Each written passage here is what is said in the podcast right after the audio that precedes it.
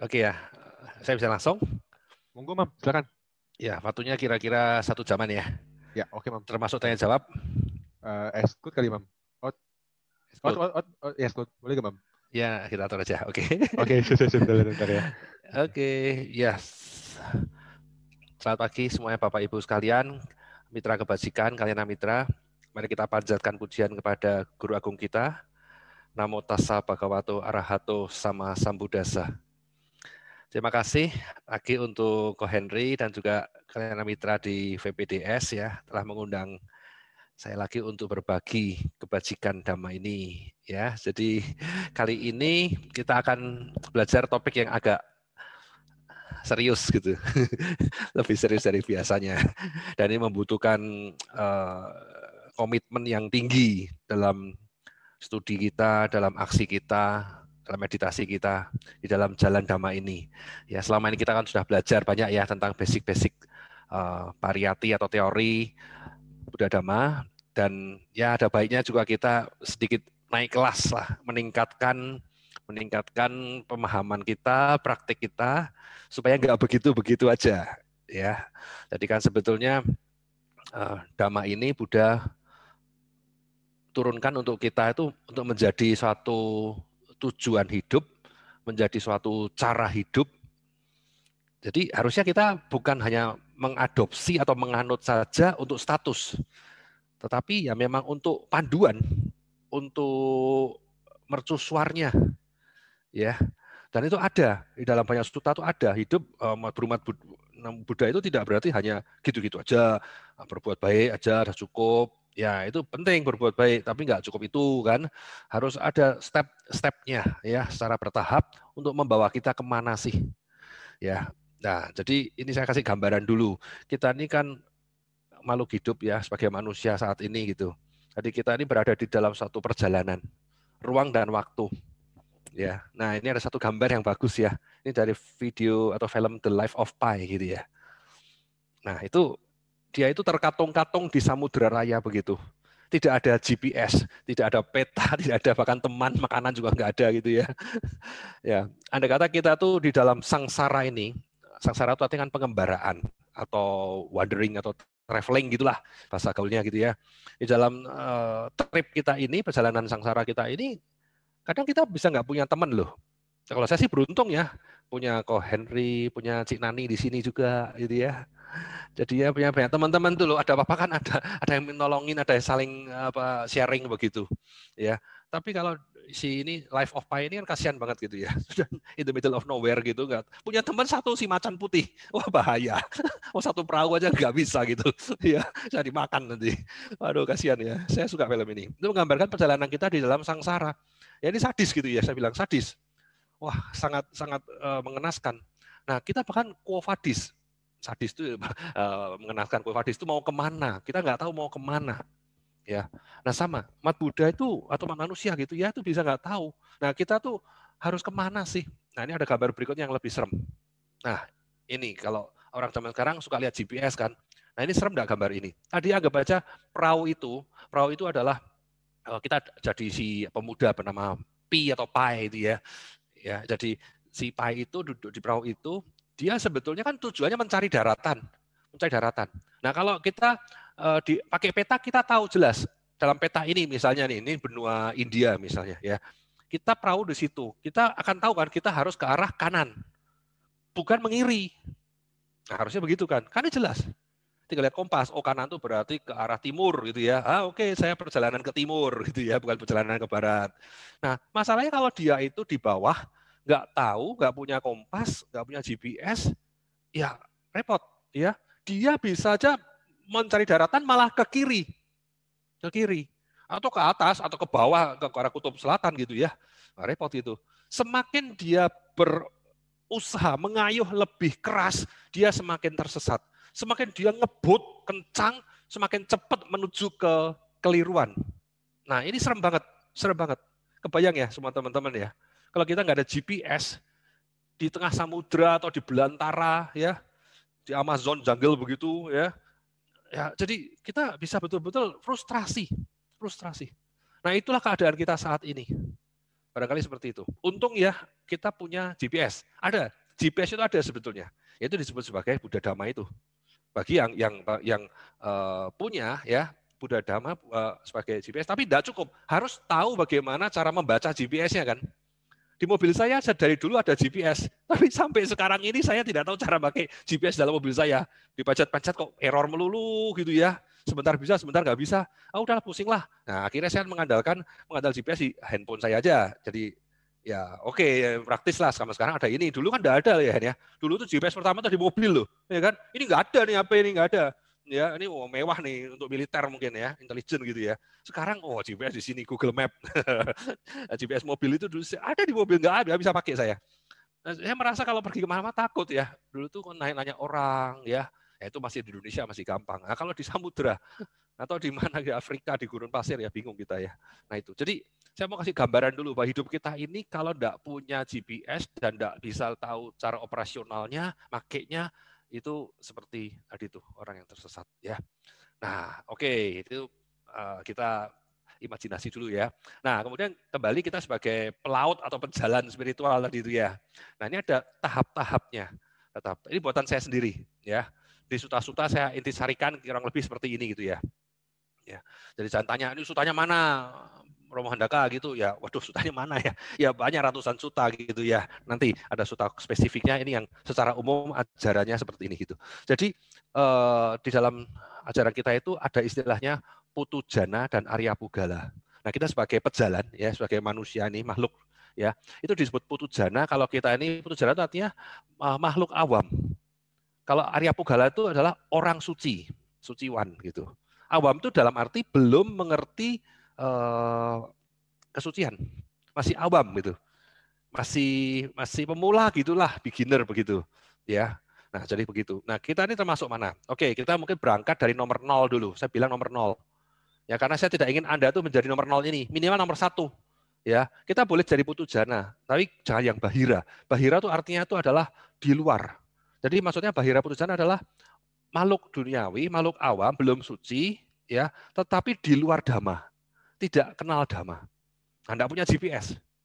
Ya, ini kasihan banget.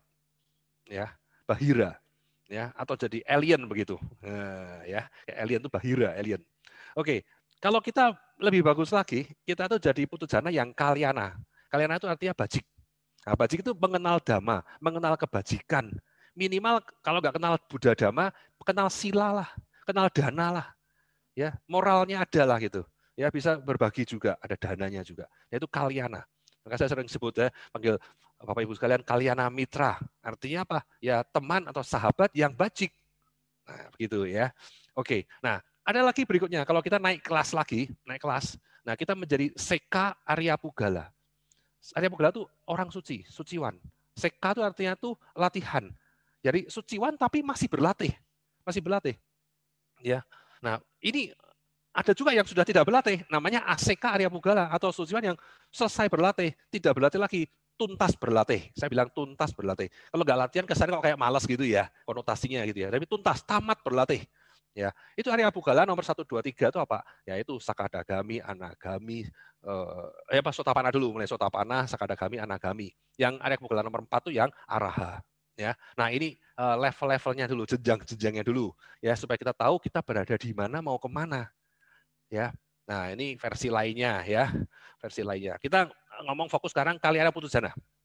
Ya, mendetil mengenai eh, anggap aja kita bukan bahira, bukan orang yang tidak kenal dhamma, tidak kenal kebajikan. Sudah kenal lah, lumayan lah biasa, bisa diajak kongko-kongko begini. Ya, ya. Eh, masih terikat ke indriawian, kama, kama raga begitu. Ya, dan masih melekat. Kalau kita nikmati apa itu masih melekat. Belum tahu caranya menikmati tanpa melekat. Ya, Nah ini ini ini, ini guyon aja sedikit gitu ya. Saya sering bilang kita tuh dari umat Buddha tuh Buddhis yang secara statistik ya atau Buddhis sosial. Ada Buddhis tahunan, mingguan, harian. Yang tahunan itu yang datangnya kalau pas perayaan aja, pas waisakan aja, katinaan aja gitu ya. Nah itu datangnya setahun sekali dua kali. Ya ada juga yang lebih bagus lah mingguan. Datangnya pas kebaktian atau muncul di Zoom tuh hari Minggu pagi begini aja. Ya lebih bagus lagi harian.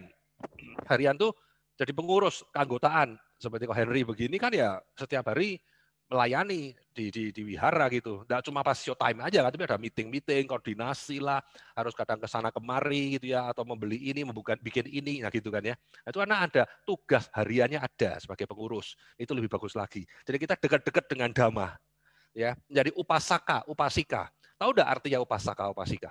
Upasaka itu ya, ya, ya umat Buddha lelaki, upasika umat Buddha perempuan gitu ya. Tapi artinya, arti upasaka, upasika itu sebetulnya adalah yang duduk dekat. Yang duduk di dekat. Dekat apa? Ya dekat-dekat dengan Dhamma, dekat dengan Buddha Dhamma Sangga ini gitu. Ya nggak jauh-jauh, nggak pakai sampai alien keluar sana itu, Pak Repot ya. Eh, duduk dekat. Ya, itu ya jadi upasaka upasaka yang makin baik ya makin deket. Duduknya nggak ke mana-mana situ-situ aja ya dalam lingkaran dhamma ini ya. Jadi itu nggak cuma di level tahunan itu jauh ya alien tahunan ya. Kemudian kayak meteor muncul setahun sekali atau 33 tahun sekali seperti komet Halley gitu ya ya atau mingguan gitu ya. Nah tapi bagusnya setiap hari setiap saat kalau perlu ya dekat dengan dhamma. Oke itu Buddhis statistik statistik. Saya bilang ya bagus lumayan lumayan ya. Secara sosial dia bisa tingkat sosial uh, keaktifannya berdasarkan tadi itu uh, tahunan, minggu atau harian. Tapi lebih bagus lagi adalah Buddhis yang praktik, tidak cuma statistik. Ya, nah ini lebih ke arah ke dalam. Sosial itu keluar, ya, ke dalam itu spiritual. Ya, dua-duanya harus jalan ya. Oke, jadi ada empat level yang saya rangkum dari suta-suta. Ya, level pertama disebut sawaka, terus kemudian magika, duta dan arya. Ya. Jadi yang sawaka ini arti sawaka itu sendiri adalah siswa gitu ya, atau bisa juga pembelajar gitu. Jadi mempelajari dhamma, ya belajar dhamma, sudah teori. Kemudian kalau lebih tinggi lagi spiritualnya adalah menjalani, mempraktekkan, ya namanya magika, maga, maga itu jalan, magika itu yang menjalani orangnya pejalan gitu ya. Jadi ngelakoni dhamma nggak cuma belajar praktek ya. Kemudian lebih bagus lagi adalah duta dhamma ya yaitu membagi dhamma. Seorang duta Ya, tidak cuma untuk diri sendiri, tapi juga untuk orang lain bagi-bagi. Ya. Kemudian yang paling tinggi adalah Arya, Arya Pugala tadi, yaitu yang sudah menembusi Dhamma. Nah, anda masuk di mana sekarang? Posisi Anda itu, kalau Anda lihat GPS map kan selalu dari sini mau ke mana ya, dua arah kan? Oke, minimal tahu dulu loh, saya di mana nih? Ya, saya ada di sekarang di kebun jeruk gitu ya. Nah, ini mau ke mana? Mau ke Pluit. Nah, jelas gitu. Jangan cari GPS, saya ada di misalnya ada di Palembang gitu mau ke Pluit gitu, wah repot gitu ya. Nah, bahkan Anda tidak tahu bahwa Anda ada di mana. Ini dapat bagus kemarin contoh. Tadi kemarin sore ada orang mau ngirim makanan buat saya. Ya, orangnya telepon ke saya. Pak, ini alamatnya nomor Bapak 306 rumah. Iya, iya, Pak. Di mana? Bapak ada di jalan ini, jalan Asem tempat saya kan? Iya. Sudah, Pak, saya di jalan Asem. Oke, Pak. Rumah saya pojok, Pak. Ada patung gajahnya, Pak. Nah, kalau enggak tahu Bapak tanya aja satpam atau orang situ rumah saya itu cukup terkenal ya di belakang wihara begitu ada ada gajahnya, eh patung gajahnya. Semua orang tahu di sini. Udah dia nanya-nanya telepon lagi. Pak, enggak ada, enggak ada orang tahu. Lah, wihara tahu enggak? Enggak tahu juga. Lah, kok aneh saya curiga nih. Tunggu-tunggu, Pak. Bapak tahu alamatnya betul. Betul, Pak, ini jalan Asem. Oke, Asem dua Romawi. Betul, Pak. Nah, saya kan bingung nih, salah gimana? GPS-nya Bapak bener enggak? Betul, Pak. Saya GPS begitu. Tunggu, tunggu Pak, alamatnya benar nggak? Di kotak paketnya ada tulisannya alamatnya kan? Dibaca sama dia. Oh, buat Pak Handaka, ini Jalan Asem 2, Kebon Jeruk, Jakarta Barat. Nah, ya betul kan Pak, itu GPS-nya sama dan itu kan? Saya nggak tahu Pak, GPS-nya saya bilangnya begini kok nggak ada. Tunggu, tunggu Pak. Jangan curiga, jangan-jangan Jalan Asem itu ada, ada banyak, enggak cuma saya sendiri, rumah saya sendiri. Eh betul, saya tanya, Pak, Bapak di Jakarta Barat kan? Di Greenfield kan, Tanjung Durian kan? Bukan Pak, saya di Pasar Minggu, Jakarta Selatan. Lah, nah itu dia kaget saya. Nah, ini waduh, ini kok bisa begitu? Wah, salah Pak, salah, salah, salah. Ya udah saya arahkan akhirnya saya kasih Sherlock sampai juga satu jam kemudian ke rumah saya. Ya saya kasih ekstra tip gitu ya. Ini pengalaman pribadi aja. Tapi pelajaran moralnya adalah bahkan kita itu pun bisa salah ya. Kita sangat yakin mau ngantar paket isi makanan nggak boleh telat tuh ya. Udah dingin, isinya yogurt lagi. Aduh, sudah leleh semua yogurtnya itu ya. Jadi nah, kita bahkan eh, si drivernya itu kasihan ya. Dia tidak tahu dia di mana. Dia pikir dia itu ada di sini. Nah, sini itu apa? Nah, kutip itu ya. Yang alamat ini. Padahal harusnya dia harusnya ke Jakarta Barat, tapi dia malah nyasar ke Jakarta Selatan. Nah, tapi alamatnya yang mirip. Jalan Asem 2, nomor saya nggak ada di sana. Ya ciri-ciri rumahnya nggak ada. Nah itulah dia Bapak Ibu. Saya tuh kadang ya merinding gitu ya. kita tuh merasa bahwa agama Buddha ini kok banyak sekte, banyak guru, banyak ordo, ya kan? Padahal Buddha sendiri kan ya cuma satu ajaran Dhamma Winaya ini, ya paling variasi-variasi lah ya. Tapi intinya tetap satu lah ya. Tapi sekarang ada yang ke sono, ke sini, bingung gitu ya. Belum lagi kalau lintas agama ya, nah, itu sudah bisa diomong ya. Jadi ini, ini bisa menyeramkan gitu. Anda merasa Anda belajar Dhamma, tetapi ternyata bahkan titik pangkal where you know aja, Anda ada di mana, we are here, itu bisa salah. Nah, itu penting. ya. Jadi maksud saya, tolong Anda ketahui dulu Anda itu sebagai umat Buddha itu sekarang ada di mana, jenis yang mana. Apakah yang tahunan, apakah yang harian, ataukah yang sudah menjalani dhamma, atau bahkan membagi dhamma. Ya seperti saya. Saya nih ya ya ya. Semuanya ada berarti ya. Perayaan ya datang mingguan ya datang harian datang mempelajari dhamma sawaka iya magika iya duta iya arya. Ya itu urusan saya pribadi nanti ya. Ya begitu. Jadi lumayan. Modalnya sudah benar dulu gitu ya. Oke semoga anda juga ngerti maksud saya nih ya. Where are you now? Ya. Oke dan satu perumpamaan lagi ya. Ini anda tahu permainan uh, apa itu? Ular tangga Ular tangga itu ternyata asalnya juga dari India loh. Zaman India kuno 2000 tahun lalu tuh sudah ada permainan uh, apa snake and ladder gitu ya, ular, ular tangga semacam ini. Ya. Jadi itu cara mainnya tahu kan? Anda jalan jalan jalan jalan seperti pejalan tadi itu, itu kalau dapat tangga Anda naik.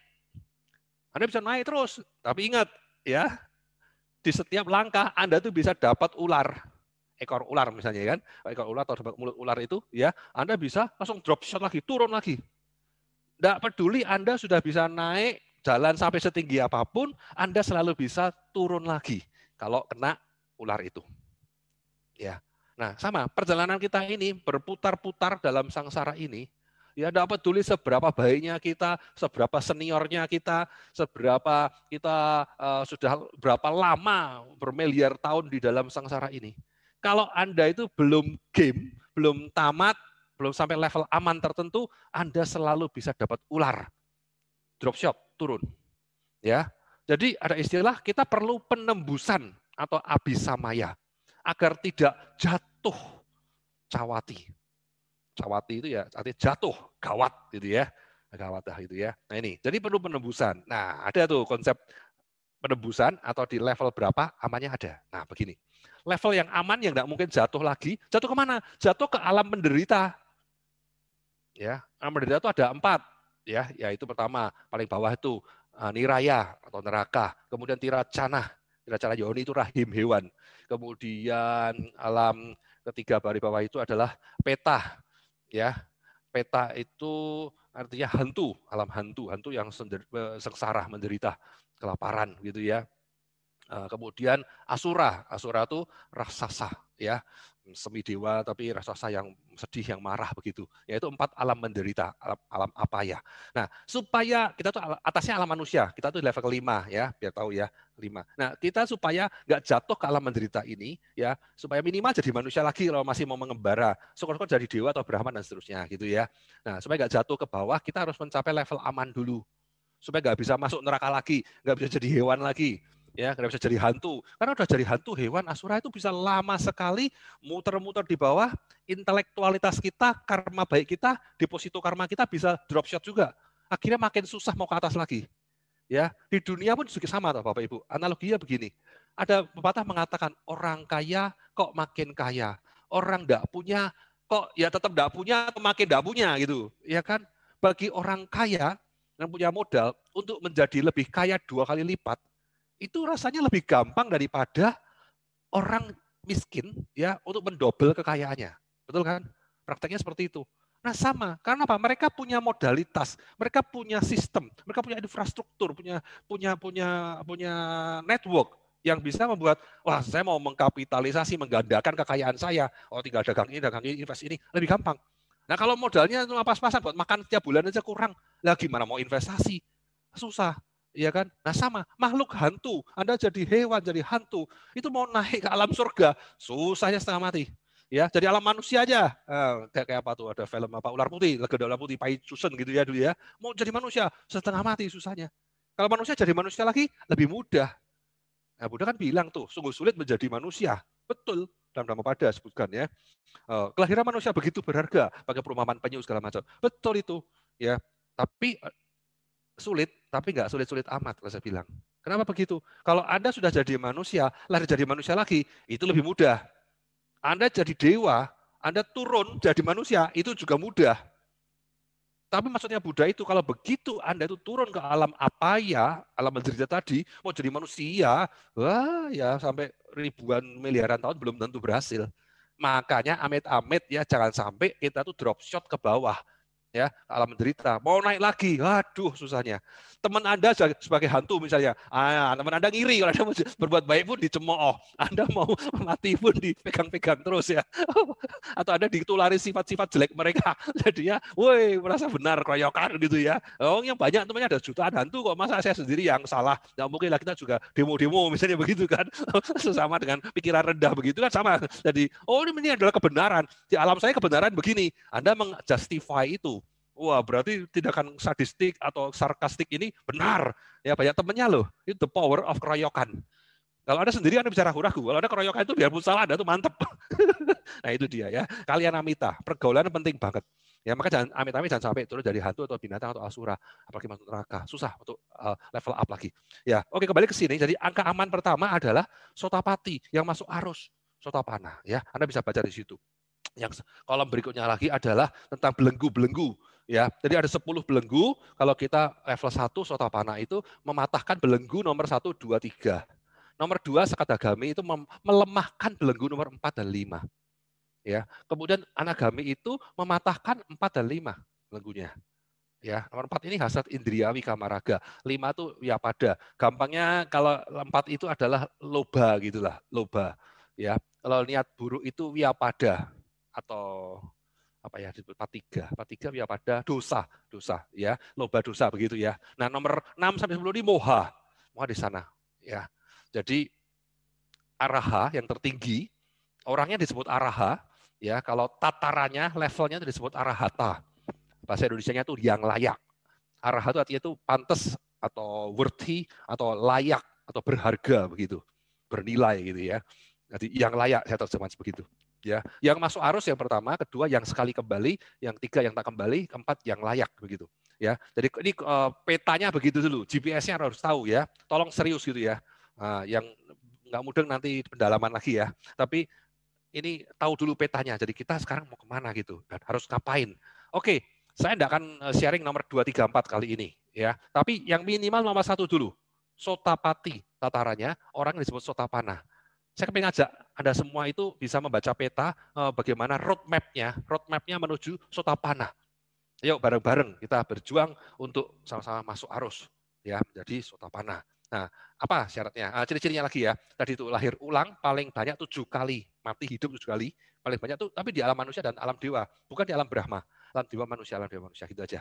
Ya, maksimum ya tujuh kali. Kalau Anda berjuang lebih cepat, Anda bisa cuma tiga kali atau dua kali ya nah, itu apa? Berarti oh mencapai anagami sebelum tujuh kali mati. Ya kan? Bisa toh jadi satu kali lagi atau tidak kembali lagi gitu ya. Bisa bisa. Ya oke. Dan itu jelas tidak jatuh ke alam menderita tadi itu. Ya oke. Syarat yang lain adalah tadi satu dua tiga belenggunya dipatahkan. Nanti kita penjelaskan uh, yang satu dua tiga ini apa saja. Ya itu levelnya. Oke jadi mari kita cita-citakan ya. Sebagai umat Buddha itu harus punya tujuan tujuan hidup, tujuan keumatan ya sebagai penganut eh, dhamma ini saya bukan cuma sekedar rajin ke wihara, rajin berderma gitu, nggak cukup ya. Seperti eh, teman saya, saya punya tujuan menurut agama saya untuk mati masuk surga atau surganya ada di bumi atau di alam setelah kelahir, kematian nanti ya ada kemuliaan ini ini itu. Ya saya senang, wah salut. Kamu mantep karena punya tujuan. Ada sense of direction Nah, umat Buddha ini saya lihat kok kayak santai-santai aja. Ya, penting yang penting jangan jahat. Yang penting kan udah lumayan sering-sering berbuat baik. Ya kan? Iya, tapi kayaknya gampang goyah begitu. Terlalu santai gitu, ya. Kalah kalau kalau kalau masalah mantep-mantepan itu kita kalah. Padahal Buddha itu adalah mengajarkan dhamma yang betul-betul membutuhkan komitmen tingkat tinggi, ya, bahkan confident tingkat tinggi juga, ya, keimanan, keyakinan, sada, pasadi gitu yang tingkat tinggi juga, kemantapan tuh pasadi gitu ya. Ya, tapi umat Buddha ini tidak mewarisi itu. Coba Anda lihatlah, founder agama mana yang paling confident luar biasa. Nah, ini itu dibanding dikit. Ini lihatlah Buddha Gautama itu bagaimana. Ya toh, Wong sejak bayi aja lahir tuh dia sudah langsung bertekad kok. Inilah kelahiranku yang terakhir. Ya, tidak ada lagi lahiran berikutnya. Ya dia cerah dalam kehidupan ini juga. Beberapa menit sebelum cerah pun ya, beberapa jam dia, meditasi dia bilang, saya akan beranjak dari tempat ini sebelum mencapai kecerahan atau mati. Biar mati, kulitnya sampai mengering, eh, darahnya mengering, kulitnya sudah sampai ya kering begitu, tinggal tulang aja, tidak masalah. I will not move. Unshakable. Ya, Buddha tuh tekadnya, aditananya, wirianya tuh mengerikan. Tidak cuma satu kehidupan, dalam banyak kehidupan. Kita sebagai cucu-cucunya gitu ya, mewarisi itu enggak sih? Makanya saya heran loh. Saya dikatakan, wah Anda kok penuh dengan semangat. Makanya saya menurut saya biasa aja. Ya kan saya pindahan dari agama ini, agama itu, saya belajar. Ya baik-baik kan saya adopsi, saya akumulasi terus begitu. Jadi saya lihat umat Buddha ini paling kurang semangat gitu dalam menjalankan dhamma ajaran utamanya ini loh. Ya, itu keyakinannya kurang mantap, ya motivasinya atau cetananya juga pas-pasan begitu. Nah, apalagi tujuan. Tujuannya, tujuannya pindah agama mungkin. Kalau yang tujuan saya ke wihara mungkin cari jodoh. Kalau dapat jodoh agama apa pun tidak ada masalah. Nanti saya ikut aja, ah, repot. ya, nah ini sedikit guyon ya gitu. Jadi supaya Anda tuh agak tersinggung sedikit gitu loh. Kok beragama Buddha kok tidak punya tujuan? Nah, Kemarin saya tanya, kenapa tujuan nggak nirwana sekalian? Ya, nirwana tuh tunggu, bertahap. Kita maunya yang realistis, yang achievable. Saya bilang, saya belum belum mampu tuh kalau mencapai nirwana belum mampu. Tapi itu bisa memungkinkan. Uh, tapi step by step, one step at a time. Ya, ya misalnya uh, Cik Nani, Cik Nani sering ngajar-ngajar sekolah minggu sini kan ya. Ya Cik Nani, sekolah minggu ya. Ada anak kecil gitu ya, bilang, e, teacher, atau manggilnya apa anak suami gitu ya, Miss Nani gitu ya, apa sih, cici, tante gitu ya. E, saya mau belajar, mau belajar apa tica pada anak sekolah minggu gitu. Wah pusing kan si Nani ya kan. Jadi tunggu tunggu tunggu, belajar dulu lah inilah Pancasila dulu ya. Kata mama saya harus belajar harus belajar abidama. Iya nanti nanti nanti pelan pelan ya dek ya, ya nak ya. Kau belajar dulu ini tisarana dulu gitu. Ya kan sama ya nanti kalau sudah SD, SMP, SMA, kuliah, nah itu bisa belajar lagi, cari guru lain, ya toh? Nah begitu. Nah, jadi jadi sama, saya belum mampu mencapai nirwana, tetapi saya tahu senang. Oh GPS ini ada levelnya, weh, ya kan? Ya toh, saya misalnya mau pergi GPS dari sini ke Surabaya, Jakarta Surabaya nih, tunggu dulu. Sebelum ke Surabaya, saya harus lewat mana dulu nih? Dari Jakarta, oh lewat Bekasi atau lewat Cilegon. Nah, harus tahu dulu nih dari Jakarta, oh ternyata ke arah Bekasi. Cilegon kan ke arah Sumatera nanti, ya toh, harus ke timur gitu. Kemudian dari Bekasi ke mana? Oh bisa lihat Bandung. Oh bisa juga lewat Cirebon. Oh atau lewat Purwokerto misalnya, ya, dan seterusnya gitu. Akhirnya nyampe ke sana, tapi ya selalu one step at a time. Ya, tapi tahu tujuannya nirwana. Nah, yang realistik, yang achievable, selangkah demi selangkah. Ya, kemudian kalau kita punya cita-cita, tujuan, aspirasi, sebagai sotapana, kita tidak usah khawatir, wah nanti rugi, wah nanti dikira sombong. Enggak ada lah. Oh, menjadi sotapana itu bukan kesombongan. Kalau Anda sombong, Anda tidak bisa menjadi sotapana. Tertutup pintu sotapananya. Tapi Anda bertekad, itu bukan sombong. Seperti saya kepengen jadi sarjana, kuliah, itu apa itu sombong? Ya enggak dong. Ya, tapi kalau ada sombong kalau sudah sarjana atau belum sarjana, wah mentang-mentang sarjana ya kan jadi sok pintar ya itu sombong gitu ya gitu tapi kalau bercita-cita kan bagus ya kan nothing tulus ya ada ruginya kemudian terakhir tadi itu ini adalah stasiun atau terminal angka aman dulu pasti ada yang ngangkut begitu ya pasti dapat mobil pasti dapat kereta yang terdekat dalam hidup ini juga ya paling dekat ya nanti yang stasiun berikutnya akan Sakadagami, Anagami, Araha tadi itu ya belakangan nanti nomor G Samsu tadi itu. Ya satu dulu, yang paling dekat mati-matian targetkan ini. Jadi inilah suatu tujuan ya yang Buddha katakan dalam Dhamma pada 178 ya yang terbaik. Nah, Buddha berkata, dengan atau dibandingkan gitu ya, maksudnya dengan itu dibandingkan dengan kekuasaan tunggal di bumi atau dengan pergi ke surga dengan kekuasaan seluruh alam, buah yang masuk arus sotapana ya adalah yang terbaik. Is the best. Ya jadi gak ada yang lebih layak berharga daripada menjadi suciwan yang level satu ini ada sih yang lebih tinggi dari ini ya menjadi level 2, 3, 4 tadi itu nanti ya dibandingkan yang dunia atau bahkan surga 31 alam pun ini lebih baik ya Oke, kemudian sekarang jalurnya, nah, mulai makin teknis ya. Lewat mana nih? Bekasi atau Cilegon gitu ya. Nah, ada jalur, banyak jalan menuju Sutapana ya. Ada banyak, tapi rangkum menjadi dua aja di dalam Okanta Sangyuta ini. Ya, jalur Sada dan jalur Dama. Ya, jalur jalur Sada. Jalur Sada itu gini. Jadi intinya inti ayat-ayat sucinya itu begini. Indra, rupa, kesadaran, kontak, perasaan, pencerapan, niat, nafsu, unsur, gugus semua nih ya. Semua gugus kehidupan itu tidak tetap bisa berubah, bisa berganti. Satu kata, anicca gitulah ya. Tidak tetap bisa berubah, bisa berganti. Ya, sobat, Oke, intinya itu. Kalau Anda melihat itu, memahami, menembusi itu, Anda jadi sutapana. Oh, sebentar. Ya. Wait, wait, wait, wait, gitu ya. Nah, gini. Tapi ada dua jalur. Ia yang memiliki keyakinan dan kemantapan dalam prinsip itu, prinsip anicca itu, itu disebut dengan uh, pengikut dengan sada. Ya. Sadanusari. Jadi, itu melalui jalur keyakinan. Pokoknya mantap itu udah ya, tidak tergoyahkan. Nah, yang kedua adalah yang terima prinsip itu setelah menimbang, merenung dengan kebijaksanaan atau wawasan tertentu, itu disebut Damanusari, pengikut dengan dhamma.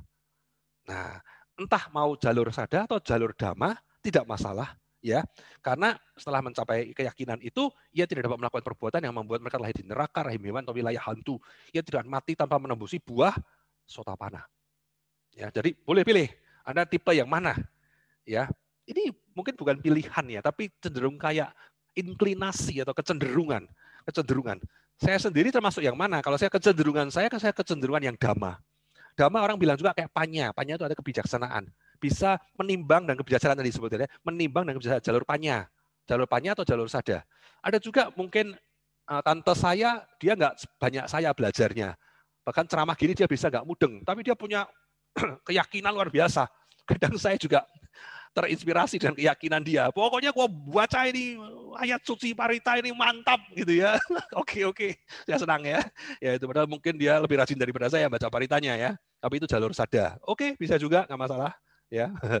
oke. Ini adalah uh, ciri-ciri sutapana ya dari itu. Memutus tiga belenggu.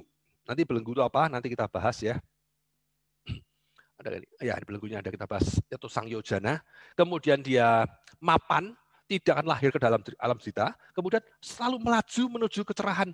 Jadi para sotamana ini tidak mungkin mundur, tidak mungkin dapat ular turun, maju, maju, maju, maju, ada temponya maksimum tujuh kali. Ya, angka aman, mapan, dan terus lanjut. Dia dibimbing oleh pencerahan dhamma di dalam dirinya sendiri itu. Sotapana tidak butuh guru lagi. Bahkan tidak butuh seorang Buddha untuk membimbingnya. Kalau ada budaya berkah, bagus, bisa faster, lebih cepat, lebih instan, ya dibantu memicunya. Tapi kalau nggak ada Buddha pun, nggak belajar teori dhamma pun, nggak ada masalah. Nggak ada masalah. Karena dia bisa dibimbing oleh ya eh, wawasan insight-nya selama ini ya ditambah, ditambah dengan mungkin uh, kondisi yang mendukung ya ya uh, sifat-sifat luhurnya tuh bisa membuat dia terkondisi terus untuk makin maju makin maju makin maju begitu ya jadi gampangnya tidak butuh guru lagi. Tapi harus tetap berlatih terus. Nah sebut seka tadi itu ya. Seka itu masih berlatih. Ya nah itu. Jadi sata katu parama artinya yang paling banyak tujuh kali lagi ya lahir dan uh, mengembara di alam dewa dan manusia. Nah kita sekarang uh, kupas mengenai tiga belenggu ini. Karena tiga syarat ini yang paling penting untuk anda itu goal sotapana atau enggak sotapana dalam kehidupan ini juga Ya ada tiga belenggu atau Sang Yojana. Saya kutip dari sutanya banyak nih ya. Saya pilih yang judulnya bagus, Sang Yojana Suta. Jadi pembabaran mengenai belenggu. Anggota Nikaya 10, Suta 13. Mohon izin minum dulu.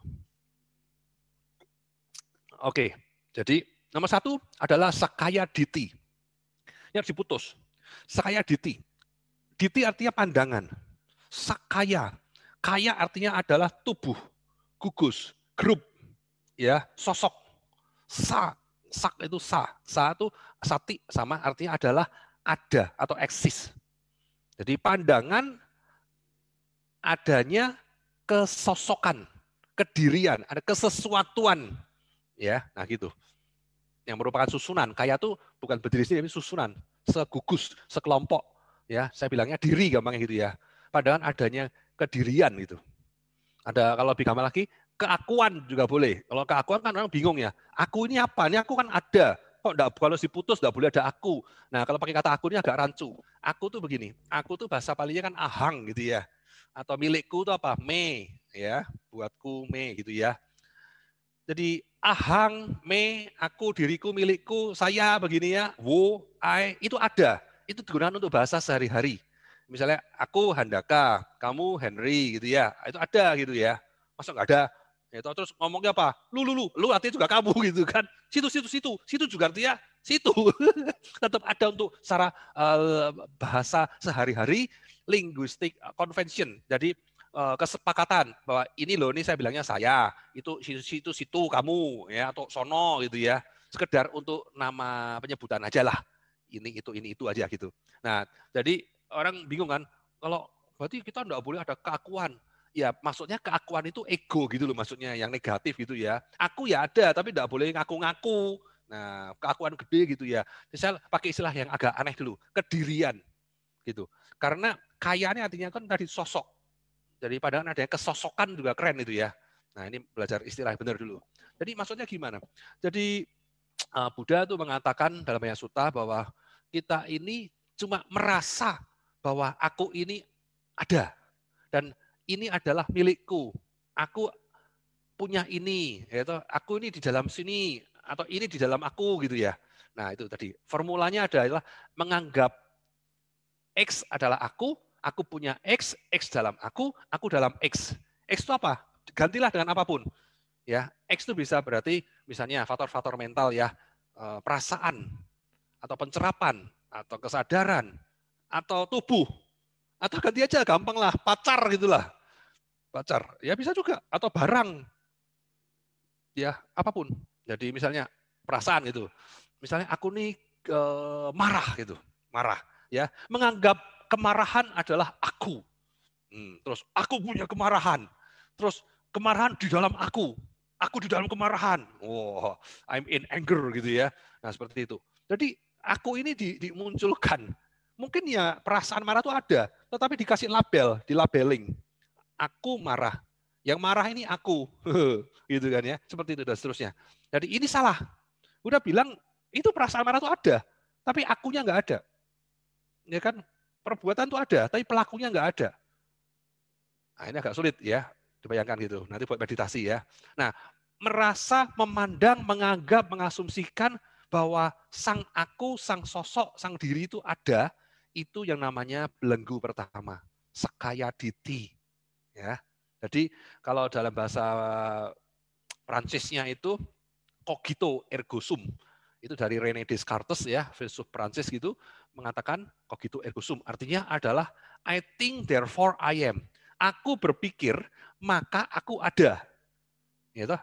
Gimana, gimana ngomongnya dia? Jadi gua gua menciptakan satu pemikiran, storyline begitu, cerita di dalamnya ini aku tuh eksis. Bahkan lebih besar lagi ya. Enggak cuma aku, Tuhan pun eksis. Dan macam-macam dan seterusnya gitu ya. Ya Tuhan menciptakan tentang diriku, aku adalah uh, uh, ciptaan Tuhan dan macam-macam. Nah, itu X-nya diganti macam-macam tadi itu. Story-nya tergantung Anda sendiri. Ceritanya X to fill in the blank, bikin story Anda sendiri. Ini keluargaku, ini negaraku, aku ada di dalam iniku apa anakku eh, macam-macam kan pasanganku dan macam-macam gitu. Ya, punya story masing-masing. Nah, padahal semua itu adalah sebetulnya kan ilusi, kayalan atau delusi. Delusion itu adalah uh, de illusion. Jadi ilusi yang salah ilusi yang benar-benar nggak apa-apa lah ya, ilusi yang baik-baik masih oke okay lah, tapi ilusi yang salah, delusion. Nah, kabut ya, ngarang. Oke, yang kedua adalah belenggu namanya wicikica atau keraguan. Nah, ini lebih lebih mudah jelasinnya ya. Nah, tidak mantap, ragu-ragu, sanksi ya terhadap tiga selalu ya, Buddha Dhamma Sangga disebutkan itu, tiratana ya. Oke, kita bahas lagi nanti keraguan. Ya, kemudian ketiga adalah belenggu silabata paramasa. Artinya apa nih silabata paramasa? Kelekatan laku kebiasaan. Ini saya terjemahkan secara luas gitu ya. Paramasa itu attachment atau clinging, melekat, merekat, mencengkram. Ya, ya sila itu adalah laku, bata atau wata itu adalah ritual atau kebiasaan. Jadi kelekatan terhadap ya perilaku kebiasaan sehari-hari kita. Ya, misalnya nih, ya uh, siapa lagi ya? Korban saya di sini cuma Henry sama Nani ya. Yang lain siapa nih? yang bisa saya panggil? Yaudah Henry lagi lah. Henry kalau tiap hari gosok gigi gak? Ada kan? Saya gosok, gosok gosok. Dua dua kali satu kali dua kali gitu lah ya lumayan ya. Lima kali lah ya, ya. Lima kali. Dua kali, dua kali, dua kali. kali, dua kali. Kalau lima kali itu ekstrim namanya. Ekstrim. Ekstrim. Giginya. Nanti giginya copot semua malah habis rontok. nah, itu kan kebiasaan bagus. Masuk gigi dua kali bagus, sadu sadu ya. But tapi satu hari Henry lagi nggak bisa nih. Oh, mungkin odolnya habis atau sikatnya itu patah atau keluar kota nginep lupa bawa sikat gigi. Terus gelisah Sehari ini gua belum kocok gigi, satu kali pun belum nih. Dia langsung gelisah, marah-marah. Wah, nggak bisa tidur, nggak bisa makan. Saya nggak menolak makan. Saya mau makan kalau belum gosok gigi dulu. Ayah, ini kan namanya kamu sudah terlalu melekat dengan kebiasaan baikmu yang namanya gosok gigi. Nanti kan ya? Ayo, mana baik, bagus nih, bagus, sehat. Tapi kalau jadi enggak pas nggak bisa, ya udah cincai lah. Sekali-kali lah 24 jam gosok-gosok gigi. pakai gini-gini pakai tisu lah. Enggak apa-apa lah, koboi-koboi dikit lah. ya Jadi nyantai lah. Bahkan kita bisa melekat pada laku kebiasaan yang positif seperti gosok gigi itu loh, Hen. Ya, atau apa pun lah makan saya makan harus tiga kali sehari kalau nggak tiga kali wah nanti moodnya jelek ya apa sih itu itu positif kalau negatif ya jelas gampang toh itu misalnya merokok ya merokok kan kurang baik gitu ya. Nah itu sudah melekat sila bata para masa gitu kan ya. Gampang. Kalau negatif gampang. Narkoba misalnya ngedrak. Atau yang yang positif-positif itu susah, yang sulit ya. Anda belum sotapana kalau Anda tuh masih melekati bahkan kebiasaan positif Anda. Ya kan? Oh, kalau begitu misalnya berderma bagaimana? Dana gitu. Dana kan baik Romo. Dana kan positif. Wah saya mau memaksa, saya mau dana setiap hari gitu ya kalau nggak dana saya merasa gelisah, merasa belum belum eh, menapaki jalan sotapana. Iya, tapi tidak boleh ekstrim, itu positif. Tapi kalau pas lagi absen, gara duit atau lupa, ya sudah, nyantelah. Dirapel besok masih bisa. Nggak usah, wah udah jam 11 malam cari ATM mau transfer. Ya udah, nggak usah malah dirampok nanti, malah masuk angin gitu ya. Jangan terlalu lekat-lekat amat lah. Nah itu harus bijaksana, harus bisa let go juga. ya Jangan ada kelekatan laku kebiasaan. Ini luas sekali spektrumnya, bisa apa pun. Coba ada introspeksi kebiasaan-kebiasaan apa positif negatif Anda, ya jangan lekati. Jangan lekati, ya. Oke, itulah tiga belenggu. Kemudian lebih dalam lagi mengenai sotapana. Nah, sotapana ini punya faktor atau ruas. ada dua versi ya, empat ruas sotapana. Versi pertama di Brahmacari Yoga ada Suta, yang kedua di Tapati Suta. Bedanya cuma di nomor empatnya. Jadi ciri-ciri sama tadi, punya kemantapan, ya pasada, yang aweca, yang aweca itu yang jernih, yang betul-betul sudah kayak menembusi lihat sendiri. Bukan kemantapan membuta, tapi kemantapan yang melek terhadap Buddha, kemantapan melek terhadap Dhamma, kemantapan melek terhadap Sangga. Bukan fanatisme membuta loh ya. Ya, semua orang bisa, wah saya mantep, mau mati demi Buddha dan Sangha. Menurut saya itu bodoh. Buddha aja minta kamu suruh mati yo. Nggak ada tuh, apa harus berkorban mati demi Buddha. Ah, iya gitu. Nggak usah repot-repot lah. mati demi dirimu aja Buddha nggak boleh kok. Mati demi Buddha apalagi nggak butuh Buddha itu. Ya, bukan begitu paham kita ini. Ya, mantepnya terhadap Buddha itu apa maksudnya? Terhadap kualitas kebudayaan tata gata itu punya sifat di Buddha Nusati kan sudah hafal semua ya. Apa itu? Uh, itipiso bagawa arahang sama sambudu ya. Nah itu itu semua ada sembilan sifat kualitas Buddha itulah mantap pada sifat-sifat luhur itu. Terhadap dhamma ada enam sifat mantap uh, sifat dhamma yaitu apa tuh?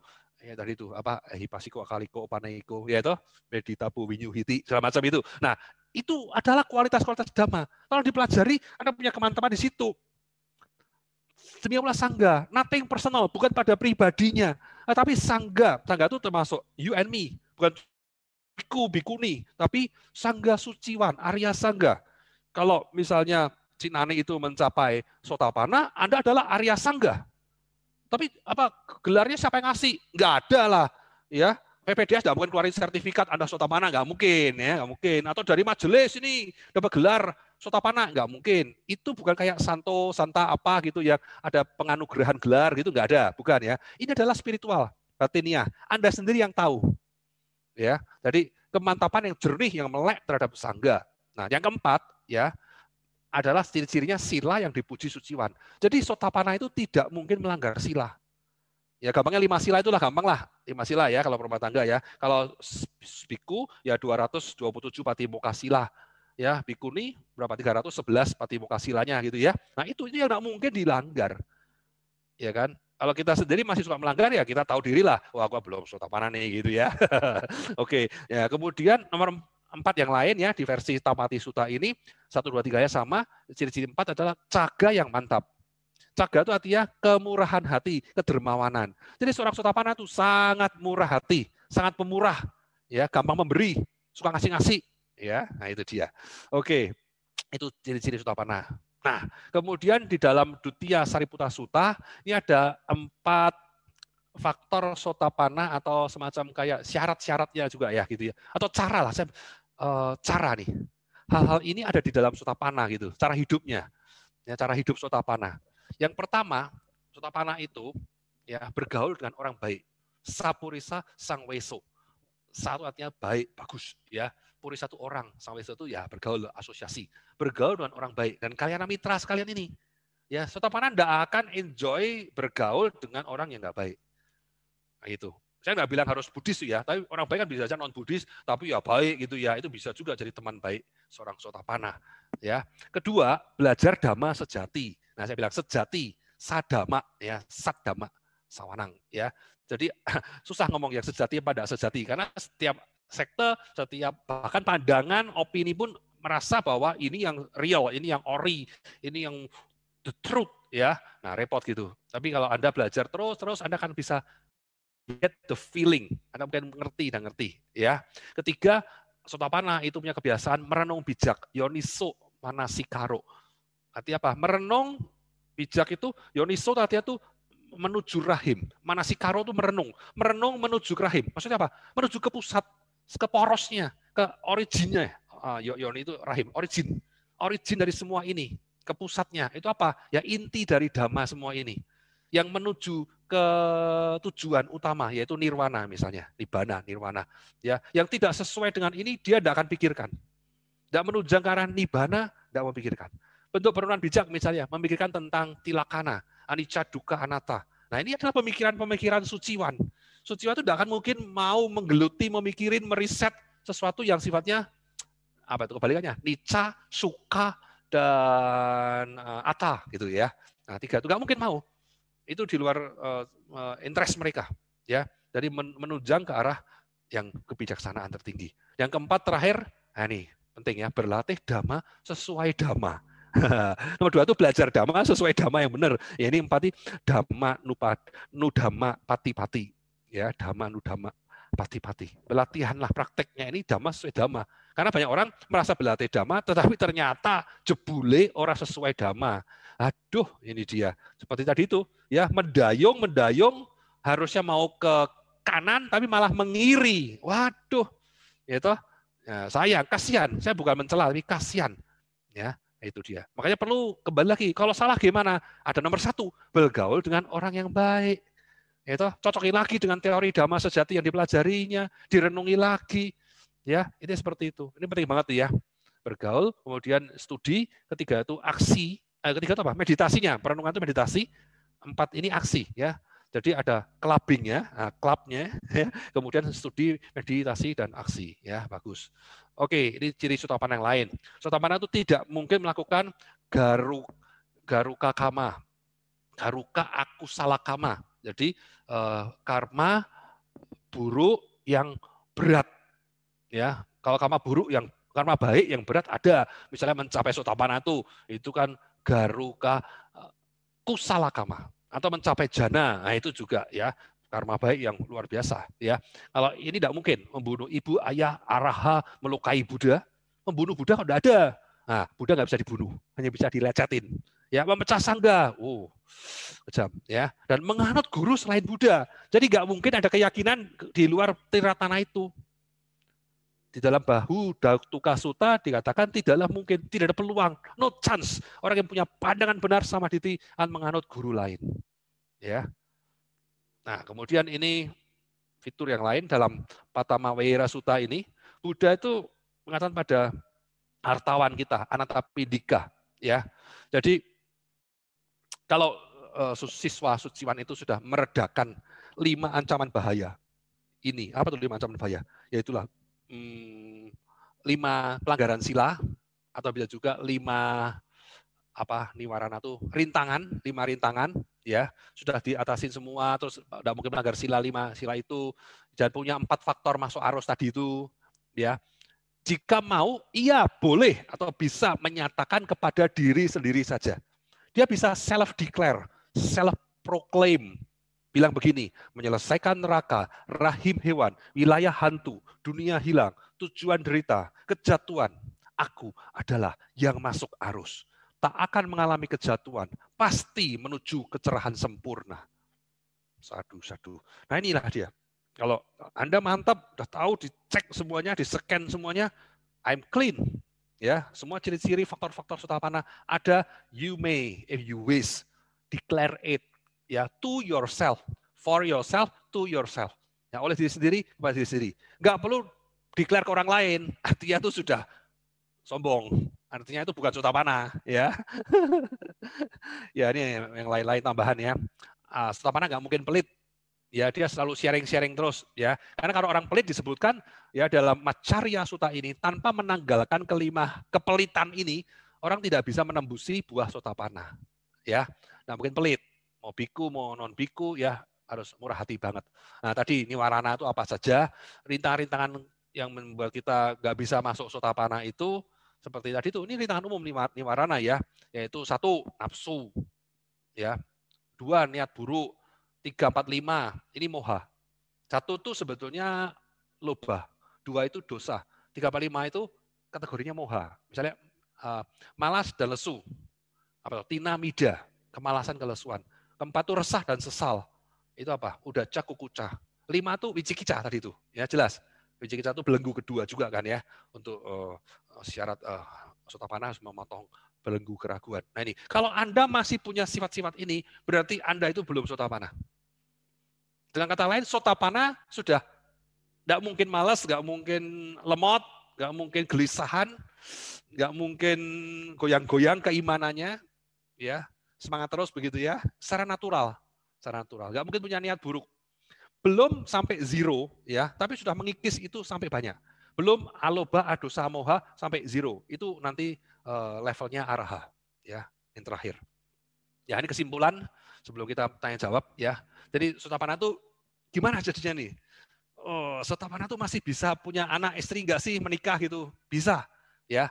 Sotapana ini masih bisa berkeluarga, yang belum berkeluarga masih bisa menikah, yang sudah menikah tidak lantas jadi cerai atau meninggalkan keluarga, bukan begitu ya.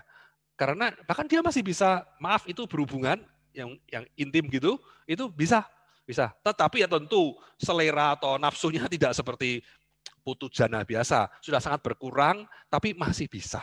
Ya, Nah, banyak rumah tangga di dalam uh, Tipitaka begitu, teman-temannya Hanata Pidika dan kawan-kawan itu ya, uh, perempuan maupun uh, Basaka Pasika yang laki-laki itu rumah tangga semuanya wisaka segala macam gitu. Ya, jadi mereka biasa saja, tidak lantas cerai atau jauh dari keluarga tidak. Ya, bisa cari duit, bekerja, bisnis, tapi tidak mungkin melanggar sila. Jadi sama jiwa, pasti punya penghidupan atau pencahariannya benar tidak mungkin terlalu merugikan orang lain, ya merusak lingkungan apa nggak mungkin. Ya, jadi bisa bisa bisnis gitu. Ya, bisa menikmati tanpa melekati. Jadi karena dia ngerti damanya, dia enjoy aja, makan makan aja, mau pergi-pergi mau apa gitu, keindriawian masih bisa dinikmati, tetapi tidak melekati, tidak melekati. Ya kalau ada enjoy, kalau nggak ada ya nggak dicari-cari. Ya, masih bisa serakah nggak? Masih ada serakahnya. Marah masih bisa, masih ada marahnya, tapi tipis. Yang nggak bisa tamak, nggak bisa serakah itu kan level tiga, anagami. Anagami baru nggak bisa tamak, nggak bisa marah. Ya, kalau sotampana masih bisa, tapi ya jarang dan sulit sekali. Ya, tapi masih bisa. Dan bahkan bisa menangis. Anak tapi juga menangis, dikatakan ketika anaknya meninggal, gitu ya, menangis sedih begitu ya. Tapi nggak lama-lama, nggak lama-lama. ya. Dan sangat rendah hati. Kan tadi pandangan adanya keakuan atau kedirian itu sudah patah belenggunya. Jadi dia tidak mementingkan ego diri apa yang wah gimana gitu enggak. Very very low profile, tidak egois. Ya, dan juga tadi bebas lima rintangan tadi itu ya pasti orangnya rajin, tidak malas, kompos ya, kalem, tenang ya. Oke, kemudian hal yang lain adalah Ah, sotapana ini tidak harus, tidak wajib melewati jana. Kalau Anda mencapai jana, ya bagus, itu uh, mendukung, mendukung pencapaian sotapana. Tapi kalau nggak lewat jana pun bisa. Banyak yang mencapai sotapana di dalam zaman Buddha juga tanpa menguasai jana-jana. Ya, kalau level anagami arahanta sangat disarankan oleh Buddha mencapai jana itu biar cepat ya untuk boosternya. Jadi jana itu buat booster uh, apa roketnya, roketnya biar jisamsunya tembus tadi itu. Ya, tapi kalau level sotamana doang ini doang itu? Ya dari tinggi banget ya. Itu tidak perlu jana, tidak perlu jana ya. Tidak perlu guru lagi tadi itu. Tapi tetap harus berlatih ya. Sadanya kukuh, kuat, kokoh ya, jernih, melek terhadap tiratana, silanya terpuji, tidak pernah merugikan dengan sengaja ya. Kemudian caganya itu sangat pemurah tadi ya. Tidak egois ya sangat murah. Ya panya nah ini kebijaksanaan ya. Mampu melihat kemunculan dan keberlaluan ya jadi muncul dan berlalu yang yang menuju akhir duka sejati ya duka niroda itu adalah levelnya araha jadi ini bukan lihat muncul berlalu biasa. Mungkin kita lihat muncul berlalu ini orang come and go, come. Ya gue juga lihat. Tapi apakah yang jenis yang mendukung pada akhir duka sejati kan ya belum tentu. Nah kalau Sutapana itu melihatnya ini loh, ya melek dhamma, ya dalam wah, berpuluh-puluh suta gitu ya dikatakan Buddha yang kinci samudaya damang, sabangtang niroda damang. Apa itu? Apa pun yang bersifat muncul, semua itu bersifatnya berakhir. Ya, apa pun yang muncul pasti akan berlalu, berakhir. Tapi ini yang mendukung akhir duka. Nah, termasuk dalam paticca samupada implementasinya. Paticca samupada itu kan mata rantai, ya ada 12 mata rantai itu ya, ada ini, ada itu, ndak ada ini, ndak ada itu gitu ya. Sama, ini muncul, ya muncul itu, ini berakhir, itu berakhir. Samalah penerapannya dalam paticca samupada, dalam hukum karma, kamaniyama, ya. Ya orang sotapana ini juga tentu prakteknya apa? Prakteknya empat kebenaran suciwan, Arya Tagika Maga. Inilah sang jalan itu, ya jalan eh, delapan faktor suciwan ini, pandangan benar, pernyataan benar, dan seterusnya sampai pengandingan benar. Nah ini ini adalah jalannya, jalannya cuma ini aja menuju Sotapana, ya dijalani terus terus terus makin lama makin jernih ya. Oke kira-kira gitu uh, Ko Hendri. Ini penutupan terakhir dari saya. Sutani Pata ini motivasi aja ya para para upasaka upasika tuh yang punya tekad begitu kadang-kadang sering menyerukan, mengudanakan, menyerukan seruan luhur ini. Ini saya bacakan ya dari Sutani Pata, ini bab terakhir ayat terakhirnya 5:19. Yang tak terpindahkan, yang tak tergoyahkan, yang tak terbandingkan.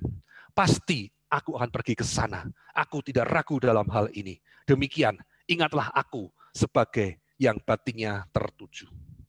Sadu, sadu. Ya, semoga kita ya. menjadi sotapana dalam hidup ini juga.